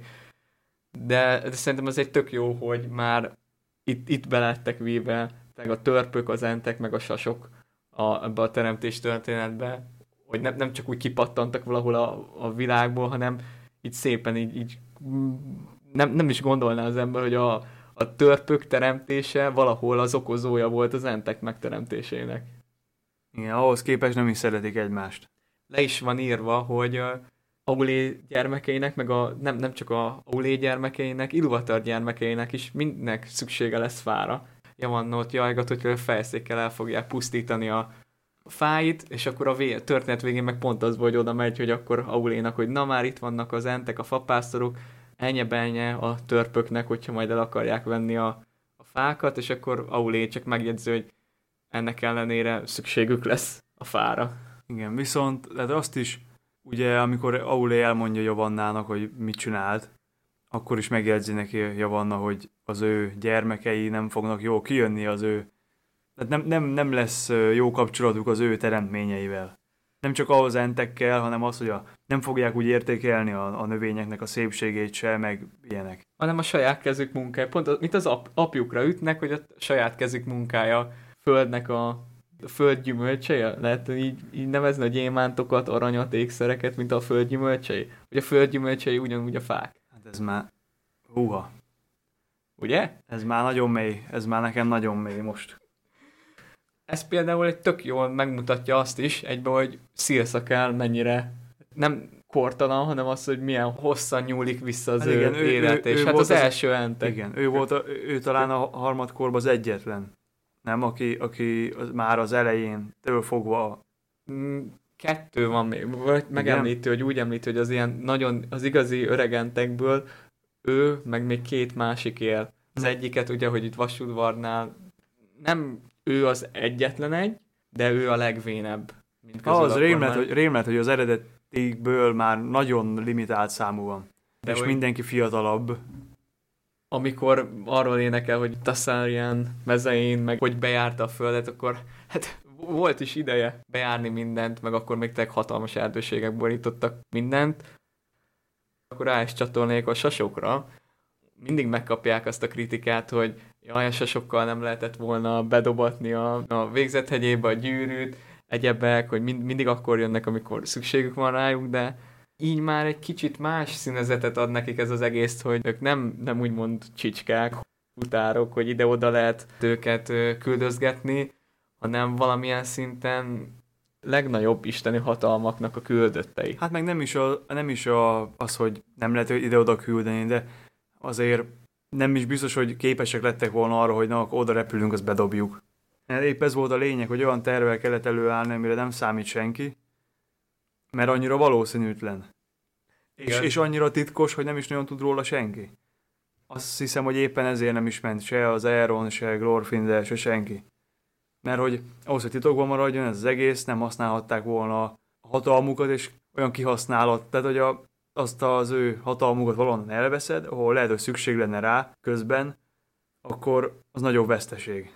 Igen, meg ugye ott voltak a Nazgul, a szárnyas felbíztek, nem tudom, hogy milyen nevet kaptak magyarul, hogyha kaptak, de a, a szárnyasok, akiken lovagoltak a Nazgulok, és ott azért a sasokat azért rá, rájuk tudtak volna repülni, és ott már kétes lett volna a kimenetel, Hát hogy azt- hó, ezt- mi történik a gyűrűvel. Ezt azért nem mondtam, gondolkodtam rajta, csak ugye itt, itt meg nem tudni, hogy mondjuk mennyi sas volt, meg mennyi ilyen az a baj, hogy a könyvekben nem is úgy van teljesen leírva, mint hogy a filmben van ábrázolva, nem ilyen sárkányszerűnek, hanem nagy madárszerűnek vannak Ilyen dökkesejük inkább. Igen. Hát most ki tudja, hogy mennyi, melyikből mennyi volt. Mert ezt se lehet tudni. Mert hogyha mondjuk lett volna ezer darab sas, meg tíz darab olyan a vacak, akkor oda repülhettek volna égül is éppen. De ez nem hiszem, hogy így volt, ez az egyik, meg, meg ezt meg nem tudni. megint az, hogy ez valaminek a, az ilyen gúnyos képmásai, amint láttuk, hogy a tündéknek a, az orkok, később majd azt is látni fogjuk, hogy az enteknek a trollok, és a sasoknak pedig ezek a szárnyas valamik, amik egyébként Morgotnak nagyon sokáig tartott a szárnyas sárkányokat így teremteni valahonnan, Végül egész jól sikerült neki.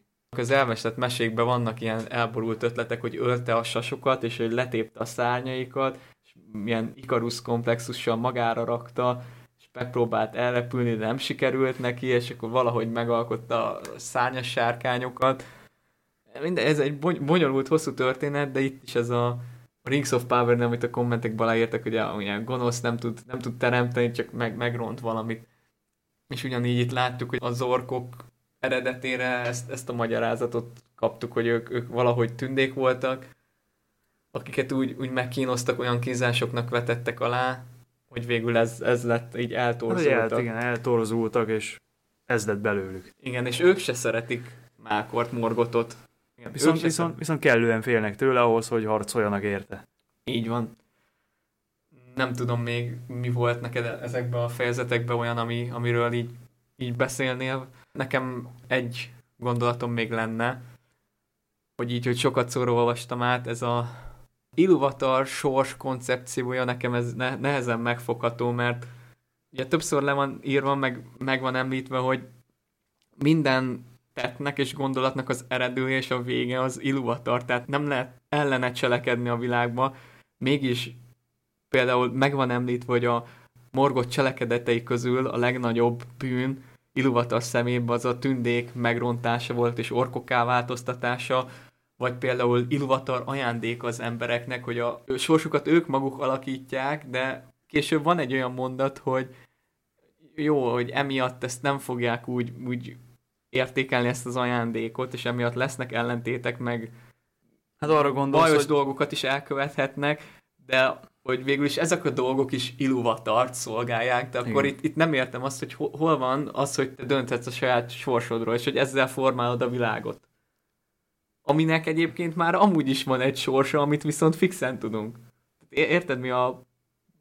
Mi, mi, én, mi, mi nem olyan tiszta nekem? Én nem tudom, hogy ugye most az a baj, hogy itt ahhoz, hogy e- ebbe szerintem ebbe szerintem olyan állást lehessen foglalni, ami, ami valami reális képet adna, ahhoz ismerni kéne a, az összes részletet, a végéről mindent, és az a baj, hogy nagyon sok olyan dolog van, ami, amit nem tudunk, sokkal az ismeretlen benne. Mert én szerintem annyi választás, vagy az, azt nevezi szabadságnak, mert miközben most hát próbáltam gondolkodni azért, miközben vettük föl ezt az egészet ezen. A tulajdonképpen az emberek azért élnek rövid ideig, mert dönthetnek, viszont ilyen rövid idő alatt azok a saját döntéseik, hogy mit fog csinálni, vagy mit nem, nem tudja olyan nagy mértékben befolyásolni a végső dolgot. Ezt most próbálom megérteni. Tehát, hogy mondjam, tehát mondjuk, hogyha Iluvatan elképzelte, és eltervezte, és így is lesz, hogy a legvége ennek az egész dolognak valami.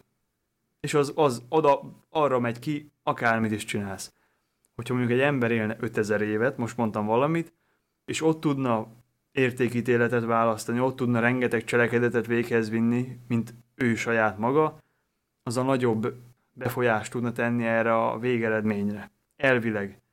De így a rövid idő alatt, így az ő szabadsága és a szabad cselekedetei nem fogják annyira befolyásolni a végkimenetelt.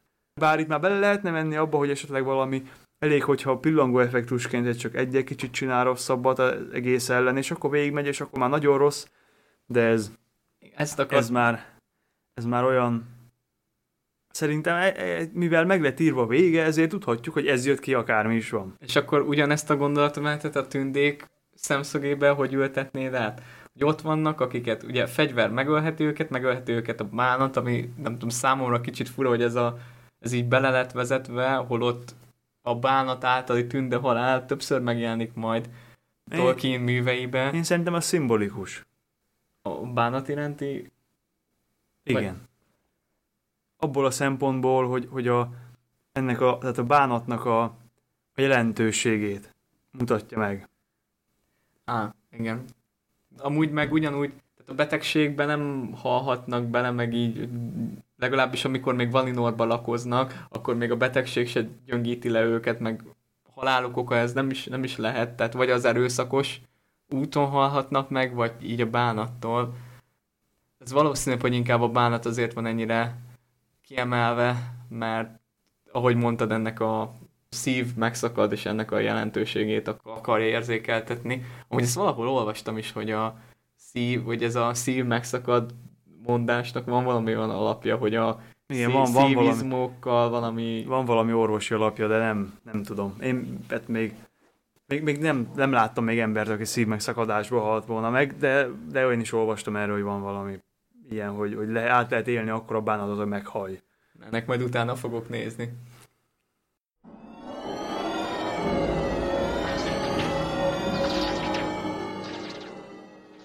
Ígéret szép szó, ha betartják, úgy jó? Ugyan még annyira nem vagyunk a jövőbe, hogy doktori fokozatot szerezzek, de picit utána néztem ennek a témának. Mint az kiderült, orvosilag ez a szív megszakadás, ez inkább szívinfarktusnak a következménye, szövődménye.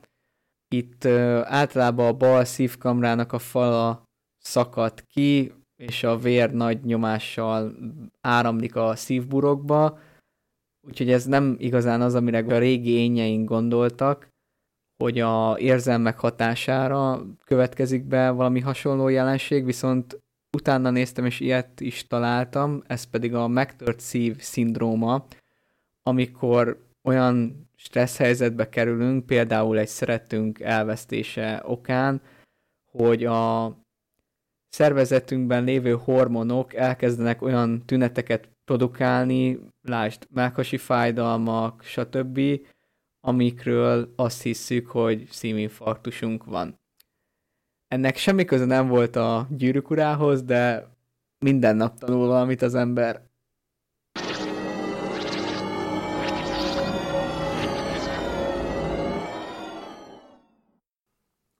Még akartam valamit mondani, de elfelejtettem.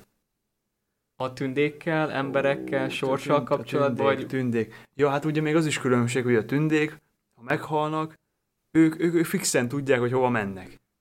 Találkoztak is idézőjelbe, istene, idézőjelbe vett isteneikkel, vagy hogy mondjam, nagyobb testvéreikkel. Ő nekik ez egy, nekik ez egy tudott dolog. De azért, hogyha belegondolunk, hogy mondjuk lehet, hogy az első korban még az emberek közelebb álltak ehhez a...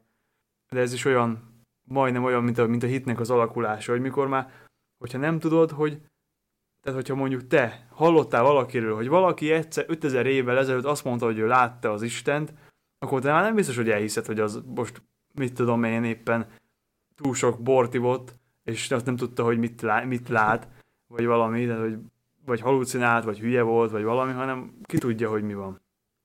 És az embereknek van egy létbizonytalansága is a tündékkel szembe, akik tudják, ja, hogy oda kerülnek. Fakadóan? Igen, tudják, hogy oda kerülnek, de még ha tudnák is, hogy vannak, léteznek a valák, létezik ez, létezik az, de mégse tudják, hogy hova kerülnek, még a tündék tudják, hogy meghalnak, ide megyünk, aztán valami lesz.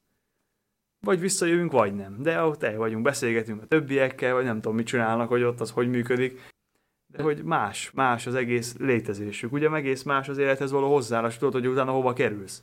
Igen, meg hogy a két faj keveredése Melkor árnya elleragad rá, meg ez jön majd ki Numenornál, amit a sorozatban is reméljük, hogy jól fognak érzékeltetni, hogy ez tényleg ajándéknak szánta Iluvatar, de hogy ugye, amit mondta, hogy együtt élnek a nép, hogy ez már így, amikor ott egy tünde, aki ér több ezer évig, akkor, akkor te már elkezdesz irigykedni, hogy neki, neki ez miért adatott meg, akkor már nem úgy vagy vele, hogy neked van egy ajándékod, hanem az, az egy teher, el, el van... Hát igen, főleg, hogyha nem tudod, hogy mi lesz utána. Ez a legrosszabb az egészbe. Mert hogyha megfogod, vége, hogy az lesz, mint előtte, hát akkor az elég unalmas lesz.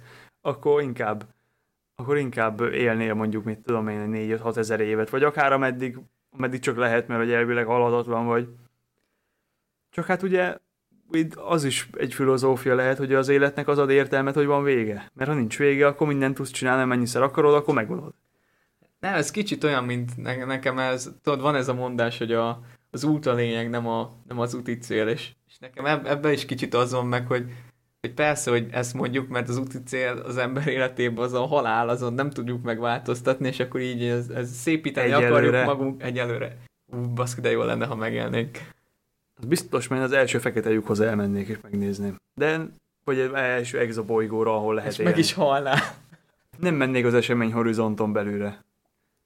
A szélén maradnék, onnan még el lehet távozni. Ha. Megnézném. Ért, na és például ugye itt is van benne, hogy az, hogy le van korlátozva az életed egy, egy X intervallumra, valahogy a világ megismerésére, meg a tökéletességre törekszik az ember, mert azért csinálsz valamit, vagyis én így gondolom, hogy hajtasz, hogy fejlődj, hogy jobb legyél, hogy megismer többet. És ezt akkor tudod megtenni, hogyha végtelen idő áll a te rendelkezésedre, és hogyha ezt elveszik tőled, akkor már ez a felismerési folyamat is megszakad. és elveszik azt, ami a léted egy értelme lenne. Hogy jobbítsd magad, tudásodat Hát nyilván, mert hogyha, hogyha ráérsz, akkor egy csomó mindent nem érdemes gyorsítani, mert ráérsz. Például gondolj be, hát, hogyha mit tudom én, ezer évig, akkor is még nem is kéne a világűr minden bolygót felfedezni, meg minden, hanem már az, hogy az is év ezredekbe telne, amíg a Földön fel lehet összes tudást te megszerzed, meg elsajátítod. Minden nyelvet megtanulsz beszélni, mindennek a, minden kultúrát megismersz, mindennek a történelmét megismered. Jó, ez Igen. már egy végén Igen. ez egy Isten komplexushoz vezet, hogyha úgy nézzük. Ajánlom azt a könyvet, ami Yuval Noah Harari, Homo Deus. Aj- ajánlották Na. nekem. Mert akkor olvasd el. Ez ennyire jó volt? Jó volt. Hát ugye a Homo Deus az pont az ist, Isten embert jelenti. Hogy mikortól, hogyha elérünk bizonyos fejlettségi szintre, akkor mikortól lép szintet a Homo sapiens tulajdonképpen, és hogy mikortól lehetne annak nevezni. De nem, nem csak erről szól, csomó technológiai fejlődésről, mi hogy működik a, tudom, az agyadba, milyen katonailag alkalmazott technológiák vannak, stb. meg kultúr, történet, politika, érdekes könyv. Felírom magamnak. És ott, ott a halál gondolat az így, vagy ott maga az, az isteni Nem, emberről van benne, van, benne, van benne ilyen, hogy van egy ilyen fejezet, hogy technológiailag valószínűleg előbb-utóbb lehetséges lesz azt megcsinálni, hogyha nem is az, hogy, hogy örökre élj, de annyira kitoljad a, a életciklusodat olyan hosszú időre, hogy összemérhetetlenül azzal, ami most van. És akkor ennek ilyen, az is kérdés ugye, hogy mert a hú, most nem akarok ilyen genetikus lenni, mert az, azért nem, nem érzem magam kvalifikáltnak, de ugye azt nehéz elkerülni, hogy mondjuk 1500 éves élet alatt ne legyél rákos. De ahhoz, hogy azt fölgyógyuljál belőle, és ne halljál megfelelően, ahhoz is kell technológia. De hogyha minden rendelkezésre áll, és meg tudod állítani mondjuk az öregedést, vagy csak nagyon lelassítani, akkor ugye még jobban fogsz szorongani attól, hogy mi van, hogyha mondjuk baleset ér, meghalsz, stb. Mert érted, hogyha kilépsz a busz elé, de tudod, hogy amúgy örökre élne, akkor elpatkolsz, ha kilépsz a busz elé. Á, tehát akkor mm, inkább még jobban ilyen burkot fogunk magunk köré építeni, és elszigetelődtünk a világtól, és ezzel pedig pont szemben menjünk azzal, hogy nem merjük megismerni a világot, mert a világ annyi veszélyt tartogat, hogy az nem feltétlenül éri meg azt, az a plusz ismeret, hogy mi ennek a megszerzése közben életünket veszítsük. Hát Például, de képzeld el, hogyha mondjuk holnaptól azt mondanák, hogy Máté örökre élhetsz, és ezt mindenkinek elmondanák a Földön, mind a 8 milliárd embernek, és akkor jó, de hát akkor még gyereket csináljunk, és akkor csinál mindenki, leszünk 30 milliárdan, de enni is kéne. Tehát, hogy azért vannak ennek veszélyei, tehát, hogy viszont az, az lenne egy előnye, hogyha az ember, mit tudom, én, 2000 évig élne, és meg tudnánk közelíteni a fénysebességet, vagy esetleg ne adj Isten valahogy valamilyen új fizikának a kifejlesztésével, vagy megtalálásával, mert föltalálni nem kell, mert az van, csak az a kérdés, hogy megtaláljuk-e, felfedezzük-e, valahogy esetleg gyorsabban haladni valamilyen módon, mint a fény, és mondjuk azt mondanád, hogy jó, hát 60 év az út, de hát belefér, mert élek egy ezer évet, akkor tudok menni. Tehát ezt akartam mondani, hogy szerintem technológiai oldalához nem értek semmit, de feltételezem azt, hogy örökké tudjunk élni, annak már egy olyan technológiai szint az előfeltétele, ami képessé tesz minket arra, hogy tudjunk utazni az univerzumban. Tehát nem akkor már ez ne, a egy, egy, népes- egy, egyik szerint, szerintem hamarabb, hamarabb fogunk sokkal tovább élni, mint, a, mint ahogy következő naprendszeren kívüli bolygóra költözzünk. sokkal tovább alatt mit értesz, hogy mert érted, mondjuk, hogyha 120 év az oké, de nyilván más, hogyha ma 200-300-ig. Én, hát még attól is többre gondolok. Néztem olyan műsort, amiben genetikus azt mondta, hogy szerinte belátható időn belül lesz olyan technológia, hogy meg lehet állítani az öregedést, sőt, akár vissza is lehet fordítani. És mi még élni fogunk, hogy ezt megtapasztaljuk, vagy pont szerencsétlenek leszünk. Én szeretnék élni. Én is nagyon, mert kevés dolog van, ami jobban elrémiszt, tehát ez a konkrétan semmi. És ilyenkor irigylem azokat, akik vallásosak, meg van, van egyfajta hitük. Ja, utána, már úgy, ott- utána már úgyis mindegy, hogy miben hiszel. Igen.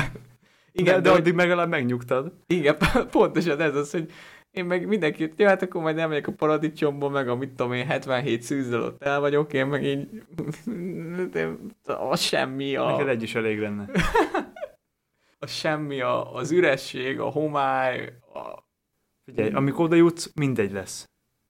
Abba gondolj bele, hogy milyen volt, mielőtt megszülettél. Elvileg, Rossz volt? elvileg olyan trauma ér a szülés pillanatában, hogy elfelejtesz mindent, amire addig emlékeztél. Már nem tudom, hogy lehet ezt mondani, hogy édesanyád hasában olyan dolgok történnek, amire te emlé- feltétlenül És emlékeztetni eml- em- akarsz. emlékszel valamire? Mit tudom én, három-négy éves korod előttről? Hát azt szerintem még me- nem is nagyon, nem úgy raktál, vagy nem tudom, én, én nekem a legelső emlékem egy három éves korom körülről van. Hát, hogy az előttről semmire nem emlékszem. Tehát én szerintem akkor nem is úgy tárolod az emlékeket, vagy valami máshogy működik. Hát meg azért elég sokat ittunk, és az alkohol az öli az ilyen sejteket. Nem igaz. De ja, nekem is valahogy olyan három éves korom körül, ugye akkor, akkor tesó megszállt, igen, igen, kb. Ja, neked az volt a trauma, ami beindította az emlékezésedet. Igen. Na mindegy, még a izében. A Michio Kakut nem tudom, hogy ismered-e. Japán, vagy koreai, vagy kínai. Hú, hát valami ilyesmi származású, de amerikai. Valamelyik műszaki egyetemnek a professzora. És fizikakönyveket írt, meg ilyenek. Most pont elolvastam egyet tőle. Néztem vele interjút, ő is, ő is azt mondja. Most nem tudom, hogy a tudósok mennyire optimisták ebbe, vagy mennyire torzít nekik valami szemüveg, amit ő ezt ők optimistában látják, mint amilyen valójában ez, hogy ő is azt mondta, hogy ő úgy látja, hogy itt egy-két generáció múlva, akik születnek, azok már egész biztos, hogy természetes úton nem fognak meghalni. Na igen, itt a baj, hogy egy-két generáció, tehát ez nem, nem a mi generációnk, hanem a utánunk következő egy-kettő, tehát De mi nem pont, elég- pont ki fogunk ebből De, csúszni. nem, de figyelj, hogyha, kide, hogyha azt megcsinálják, hogy még egy 50-60 évet ráhúzol a mostanira, amennyit élnél, ahhoz képest, akkor pont addigra lesz a egy-két generációval későbbiek, addigra nőnek föl, mire te már még javába élsz. Itt már közelítünk a 30-hoz, inkább Te, közelebb vagyunk te. a 30-hoz, mint a 20-hoz. Ez fejbe dől el, Máté. Jó, de a... Á, kurva jó lenne amúgy, hogyha tényleg meg tudnánk ezt érni, hogy legalább egy kicsivel kihúzzuk, vagy, vagy hogy legyen annyi pénzünk, hogy lefagyasszuk magunkat. És akkor, akkor fagyasszanak ki, amikor már van. Bár, bár nem tudom, te hogy a biztos, biztos vagy abban, hogy működik. mondjuk 20-30 évig el tudnak hibernálni, hogy semmi bajod ne legyen? Jogos, mert hogyha a Teve klubba lehibernáltad a tevédet, az is megdöglött, hogyha nem foglalkoztál Igen. vele egy idő És, után. és, és, az a, és az, az, az, az a játék az mindenféle tudományos szimulációkon alapul. Hát nem, azt mondom, hogy ha érted, a lehibernált tevéd meg tud halni csak úgy, akkor te is bőven sokkal nagyobb esélye van, hogy meghalsz, nem? Hibernálás alatt. Mint egy virtuális teve. Ennek a Teve Klubnak semmi köze nincs a valósághoz. Ott, ott, hogy főprogramozod azt, hogy egyszer csak a tevéd random meghal, az is előfordulhat. És lehet, hogy az életünk is be van programozva, és ugyanúgy mi nálunk is beprogramozták, hogy egyszer csak random meghalunk. Be vagy programozva, szerintem úgy hívják, hogy hormonok. Azok kiadnak egy parancsot, hogyha, és akkor a szervezet úgy reagál, ha ez a hormon szabadult föl, vagy ha ilyen hatás ér, ez szabadul föl, és ez ezt csinálja. Szóval a hormonok kb. azok az algoritmusok, amikre a videójátékokat írják, nem? Hogy akkor az életünk egy ilyen szimuláció. Van ilyen szimuláció elmélet, nem? De igen, az Elon Musk mondta azt, hogy valószínűbb valami nem tudom hány milliószor valószínűbb, hogy szimulációban élünk, mint, mint, a való, mint hogy ez a való világ. Mert hogy ha már létezik egy való világ, amiben létezik egy Egy- fejlett civilizáció, hogy tud szimulálni egy valóságoshoz hasonló szimulált világot, akkor és, és le is szimulálja, akkor azon a szimuláción belül is létrejöhet olyan civilizáció, ami le tudja szimulálni azt az ő saját világához hasonló szimulált világot, és az így mehet a végtelenségig. Mint a Rick, and Morty-s rész. Volt egy ilyen.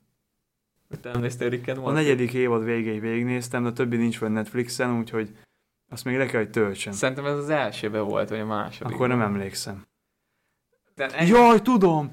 Tudom, ott mikor kihallgatták a Ricket, nem? És akkor ott szimulálták neki, és akkor átment valóban, azt hittem, hogy megszökött, de kiderült, hogy az is, azt is szimulálták, hogy megszökött, nem? Vagy igen, igen, ilyen volt. is volt, meg a miniverzumok voltak benne, hogy Ú, tényleg, Hogy- igen, igen, hogy igen. valami, ő- valami meghajtó a, a portálhoz kellett valami Igen, nyersanyag, igen, és így ment igen. vissza. Nem, ezért energiát állítottak neki elő. Mert ott valamit csináltak, és, az, és azzal, amit, hogy az, amit azt csináltak, ő elhitette velük, hogy ő valami isten, vagy Ja, nem tudom igen. volt, és hogy ezt kell csinálniuk. De azt azért csinálták, hogy neki energiát állítsanak elő. És kiderült, hogy ők is alkottak egy miniverzumot a saját izéjükbe, hogy energiával lássák el azt az eszközt, amit neki kellett el, el, ellátniuk energiával a Ricknek. Igen. Igen. Ó, messzire jutottunk a tündéktől. Igen. De hát szerintem egyébként ilyen hasonló dilemmák voltak szerintem a motivációk a, hogy abba, hogy direkt ez az ellentét van kiélezve közöttük, hogy halandó, halhatatlan, mit tudom én. Hát volt a Tolkiennek is volt egy interjú, ahol meg is jegyezte, hogy könyveinek a fő, fő gondolata, amire az egész építkezik, az a halál. Az elkerülhetetlen halál. Ugye ez, ez mindennek a alfá és az omegája. És még idéz is egy másik, azt hiszem talán francia szerzőtől, hogy, hogy minden ember számára, hogyha erőszakosan elveszik az életét, az, az, az ilyen az egy hatalmas főbűn, de ezt majd ki fogom keresni, és tényleg, hogyha már elindulnak az oldalaink, ezt, ezt odalinkelem, mert ez egy tök érdekes videó, meg kicsit más szemszögből láthatja a professzort, meg az ő általa elképzelt világot.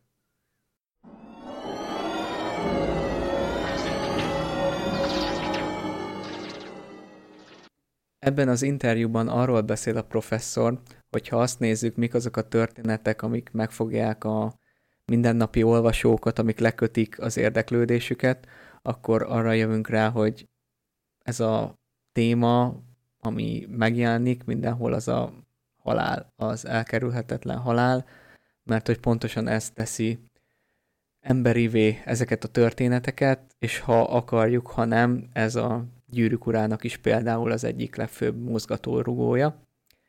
Az itt elhangzó idézet Simon Beauvoir-tól származik, sose tanultam franciát, úgyhogy tippre totál rosszul ejtettem.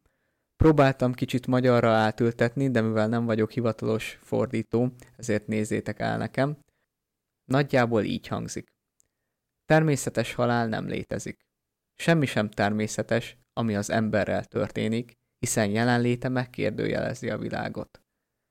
Minden embernek meg kell halnia, de minden ember számára a halál baleset, és még ha tudja is, és el is fogadja, akkor is egy igazolhatatlan sérelem.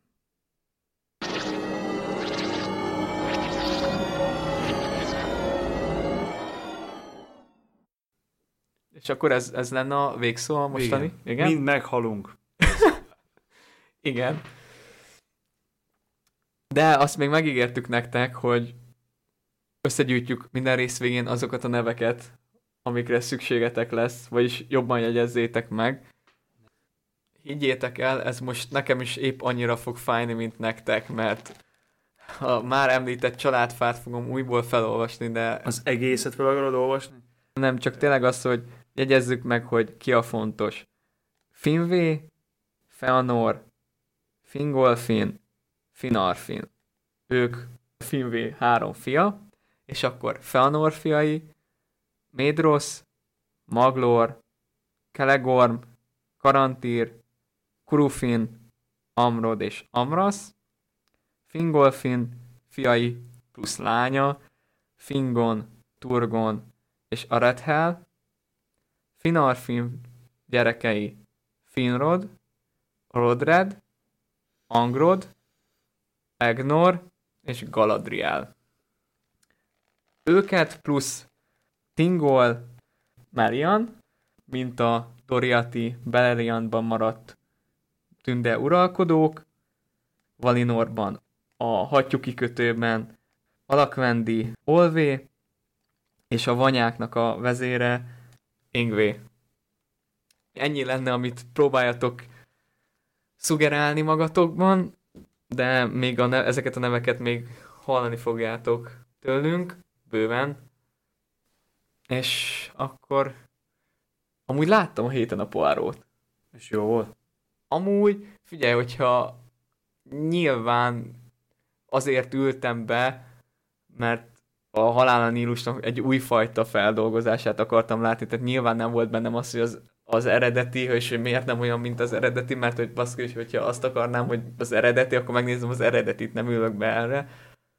Szerintem a legnagyobb baj az, vele, az volt vele, hogy a maga a detektív rész az háttérbe lett szorítva, hát és túl, túl szimpadias csak, volt. Egyszer csak megoldotta. Igen. De egyébként szerintem élvezhető volt, mert az a baj, hogy szerintem az azért volt így, mert hogyha folyamatosan ment volna, akkor közben rájössz. És így is ötletelt az ember, de hogyha nagyon sok bizonyíték jött volna elő folyamatosan, akkor egyértelmű lett volna, hogy ki a hunyó. Jogos, mert annak ellenére, hogy kb. minden emberre rá akarták kenni, hogy, hogy ő, ő a gyilkos, azért tehát itt azért jól alibik voltak, meg hogyha belegondol az ember lekorlátozva tényleg egy hajóra, mm, ott voltak olyanok, akiknek igen nagy indítékuk lett volna ahhoz, hogy, vagy hát volt is, hogy, hogy elkövessék a gyilkosságot. Ebbe így még nem gondoltam bele, de így, hogy mondod, ez, ez ja. Nekem azt tetszett, hogy mindig azok a bizonyítékok jöttek elő, amik mindig másra terelték, tovább terelték, tovább, de mondjuk ebben nyilván érezhető volt, hogy akire először, ter, először terelődik, az nem lesz. Igen, mondjuk de... a Buruk az engem meglepett kicsit. Hogy ő volt, aki az Orient Expressből visszahozták. Meg a, a nagyon sokat gondolkodtam azon, hogy örüljek annak, hogy a bajusszal bajuszt ezt így megmagyarázták, vagy sem. Meg más kérdés, hogy olyan sebes arcony anya mondta, hogy nem is tudna nőni bajusz. Lát, látom a fejedben, hogy erről mit gondolsz. Ennekem erről fogalmam sincs. Hát én nem vagyok akkor elvetemült Poirot fan, hogy én annyira tudjam, vagy elolvassam a könyveket, hogy esetleg tudjam, hogy miért van rajta bajusz, vagy miért van bajsza. Nincs így megmagyarázva, hogy, ilyen kis adalék volt. Meg hogy, hogy miért lehetett erre szükség. Tehát az utolsó jelenet miatt én úgy éreztem, hogy azért kellett megmagyarázni, hogy lássanak, lehessen benne látni egy ilyen karakterfejlődés. karakterfejlődésszerűt. És akkor ezzel a bajusszal jelképezték azt, hogy ezzel most lezárta azt az időszakot. De így viszont meg fura, hogy három részt akar, tehát még, még jön egy rész. Hát az lehet, hogy ilyen visszatekintős rész, mert én szerintem ez, ez nem... így tök jól le volt zárva szerintem két részes, hogy az Orient Express, az annak a vége átvezetett a Halál a Nílusra, és Halál a Nílusnak a végén meg ez a leborotválta a bajszát, és... Nekem a egyetlen egy dolog egyébként, ami nem tetszett ebbe, az megint az, hogy az egészhez nem léptek ki egy stúdióból. Ez CGI volt az, az egész. Nekem a kígyónál volt Engem... az a, tudod, a kígyó, aki megtámadta őket. Az, az nagyon, baj, nagyon, nagyon látszott, hogy nagyon mű. Az a baj, hogy arra van valami előírás, hogy nem lehet élő állatokat használni. Azt hiszem, mostanában már a. Lehet, mert a Hobbitnál is nagyon sok pónit megöltek. Igen, a Hobbitnál nagyon sok ló és póni halt meg a forgatás közben. Ez lenne kívül jól hangzik, de mindegy, de nem, tehát, hogy nem, nem lehet feltétlenül állatokat használni. Én nem is lenne baj, hogyha az állat CGI lenne, de az egész az. És ez engem annyira idegesít, hogy az hihetetlen. De ettől jó, itt a jó film volt. már annyira nem látszott. Az első részben nagyon látszott a CGI bajusz. Még a bajusz is az volt? Az első részben szerintem fixen. Jó.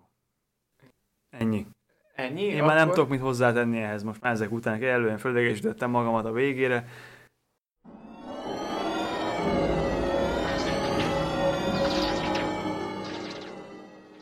El kell ismernem, hogy tévedtem. A bajusz egy kosztüm, legalábbis a rendezők elmondása szerint, bár én még mindig hajlok arra, hogy ez CGI-jal eléggé fel van turbozva, ugyanis na, hát nem hinném, hogy egy ilyen kinézetű bajszot el lehetne érni, de tudjátok mit, inkább tegyünk pontot ennek az ügynek a végére. Igazából tényleg csak azért szúrtam be, hogy ha hibázunk, akkor azt ismerjük el. Ez egy nagyon fontos dolog meg amúgy ebbe az adásban már kifejezetten sokszor kellett ilyen beékeléseket készítenem a saját ostobaságaink miatt, főleg az enyémek miatt. Higgyétek el, teljes szívből sajnálom, hogy ennyiszer megszakítottam a hallgatásatokat.